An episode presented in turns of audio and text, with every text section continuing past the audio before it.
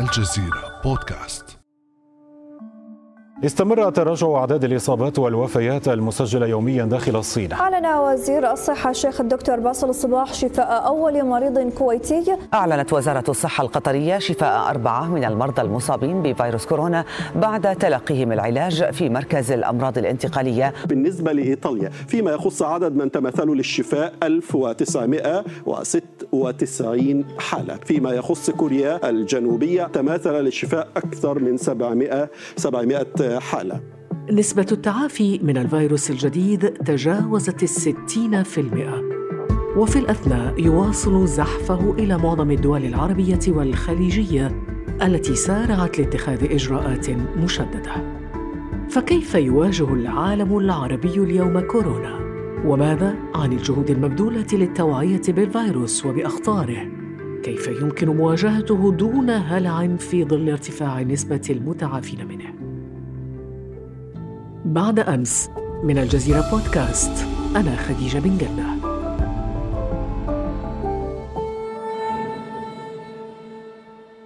وأحدثكم اليوم من وراء الميكروفون في منزلي كإجراء احترازي طبعا بسبب التطورات الأخيرة التي نشهدها والتي خلفها فيروس كورونا. فقد تسمعون أصوات العصافير والهواء وأصوات أخرى خلال الحديث فتحملونا.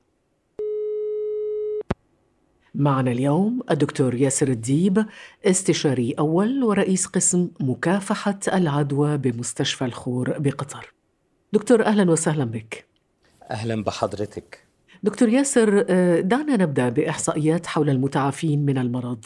هو العدد الكامل اليوم حتى هذه اللحظة للمرضى 156900 ده المعلن واللي كل بلد بتبلغ عن اللي عندها فده اللي إحنا نعرفه يعني عن طريق WHO منظمة الصحة العالمية. اللي تعافوا منهم حوالي نصفهم 75937 فنصف المرضى تقريبا تعافى. طيب نسبة التعافي هذه تشير إلى ماذا إذن؟ هو المرض ده أستاذة المفروض أنه الإنسان يطلع منه يا يتعافى يحصل وفاة لا قدر الله. نسبة الوفاة المقدرة في بداية المرض كانت 2% فقط. لكن زادت شوية في الفترة الأخيرة في بعض الدول بالذات ووصلت في الأفرج أو في المعدل حول العالم ل 3.7% إذا إحنا متوقعين أن يتعافى عدد كبير يوصل للتسعين. لكن هي المشكلة أن غير نسب الوفاة في حوالي 10% كمان بيبقوا مرضى بشدة يعني ال severe بشدة. وفي حوالي 90% حاليا مرضى بخفة يعني المرض خفيف.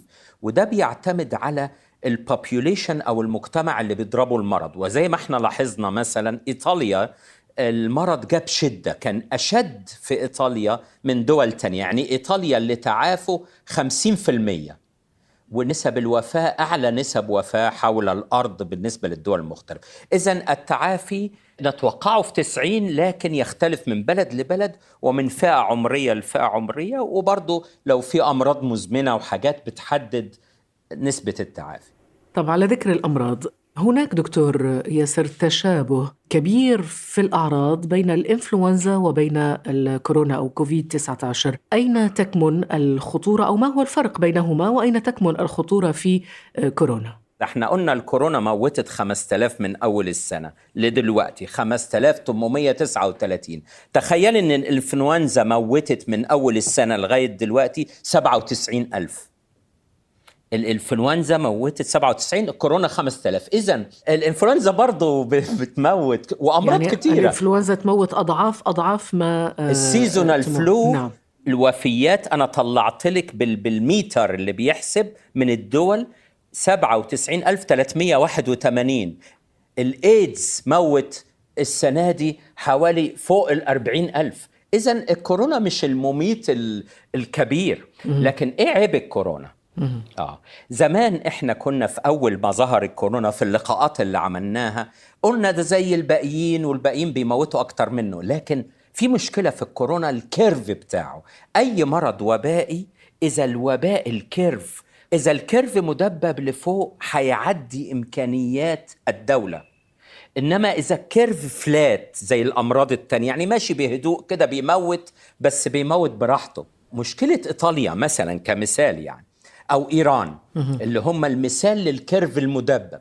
سرعة الحالات خلت الدولة ما تقدرش بسرعة تتكيف مع الحالات. سرعة الحالات بالضبط. يعني هذه كلمة السر في ربما تشخيص الاختلاف بين الإنفلونزا والكورونا هو أن الكورونا سريع الانتشار.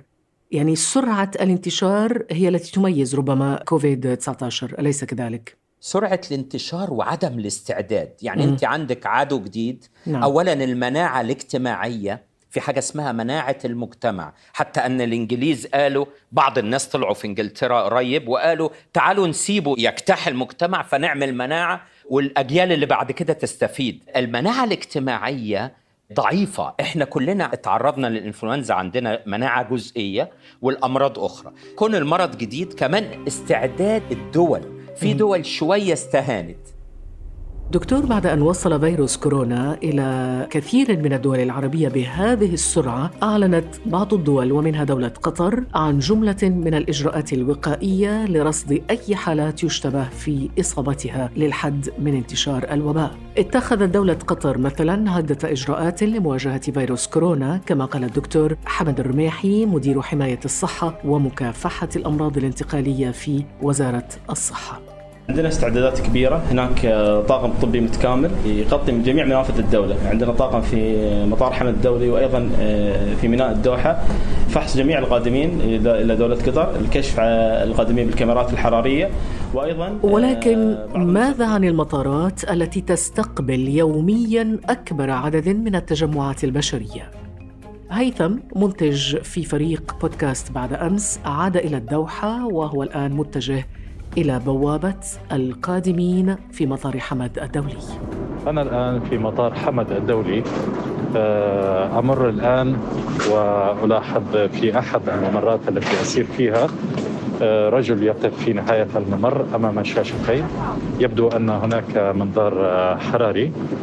يرتدي الموظفان زيا يبدو أنه للوقاية من الفيروسات. الكاميرات بالفعل هي كاميرات حرارية. الآن مشاهدة على الشاشة يمر المسافرون آه، أمام الأربع شاشات وهي باللون الأبيض والأسود ويبدو الأشخاص بلون أبيض فاقع في هذه الشاشات. فيما يبدو أنه فحص لمعرفة المصابين بفيروس كورونا.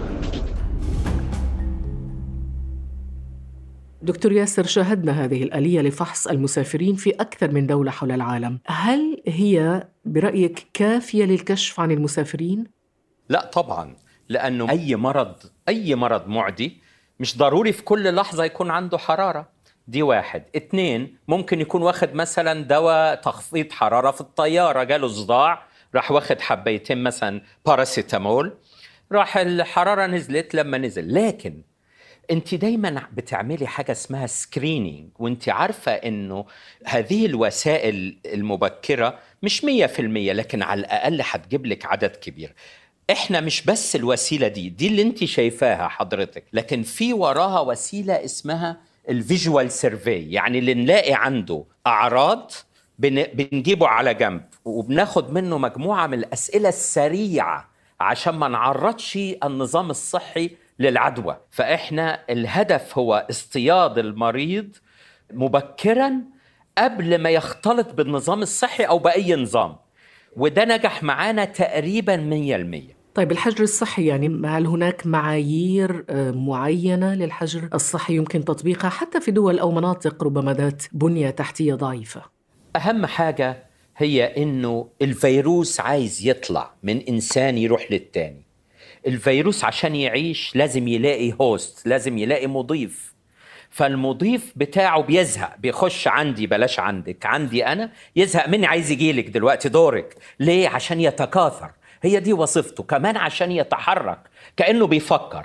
بيتحرك بين بلاد بيتحرك بين بيوت عايز ينتشر. وأنت مش عايزة تن- أنت مش قادرة تحاربي عدوك. عدوك مش جاي قدامك man to man هو جبان. فمستخبي جوه إنسان.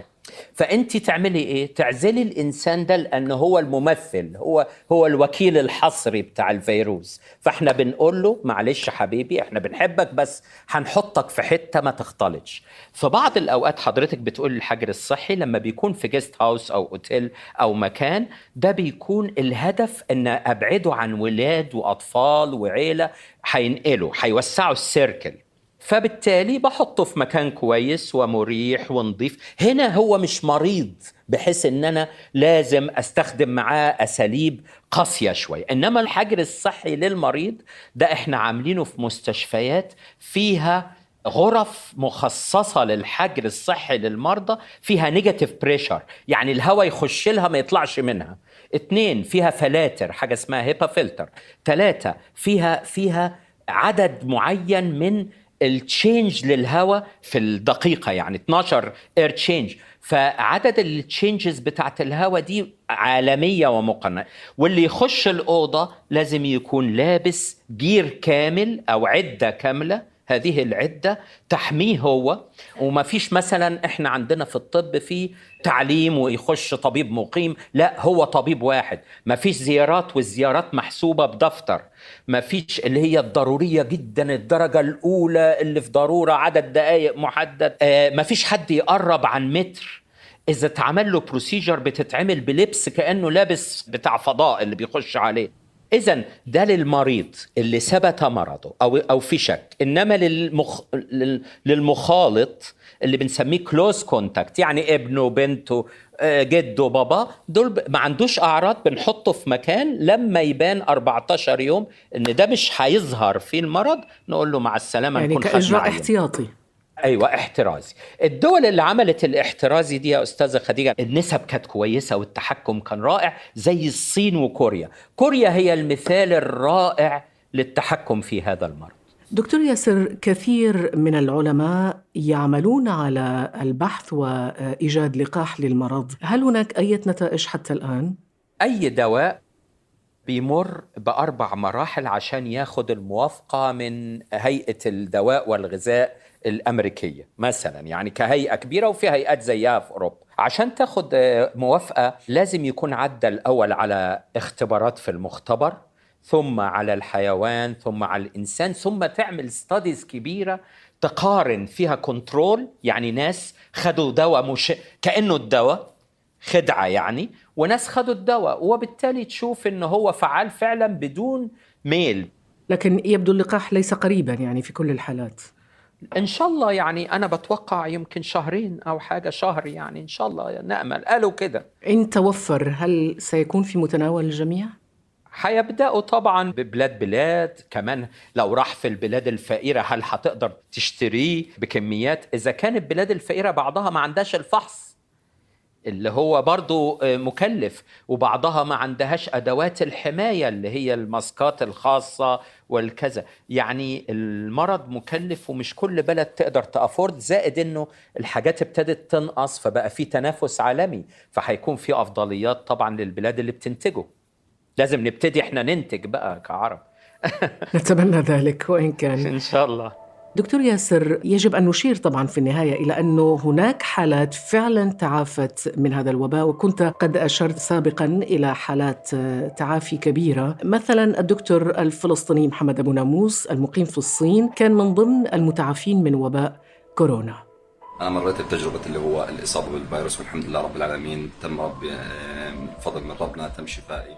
ونسأل الله السلامة والعافية لجميع المستمعين وذويهم. إذا سمحتي لي عايز أقول للناس حل هذا المرض ابقوا في البيت.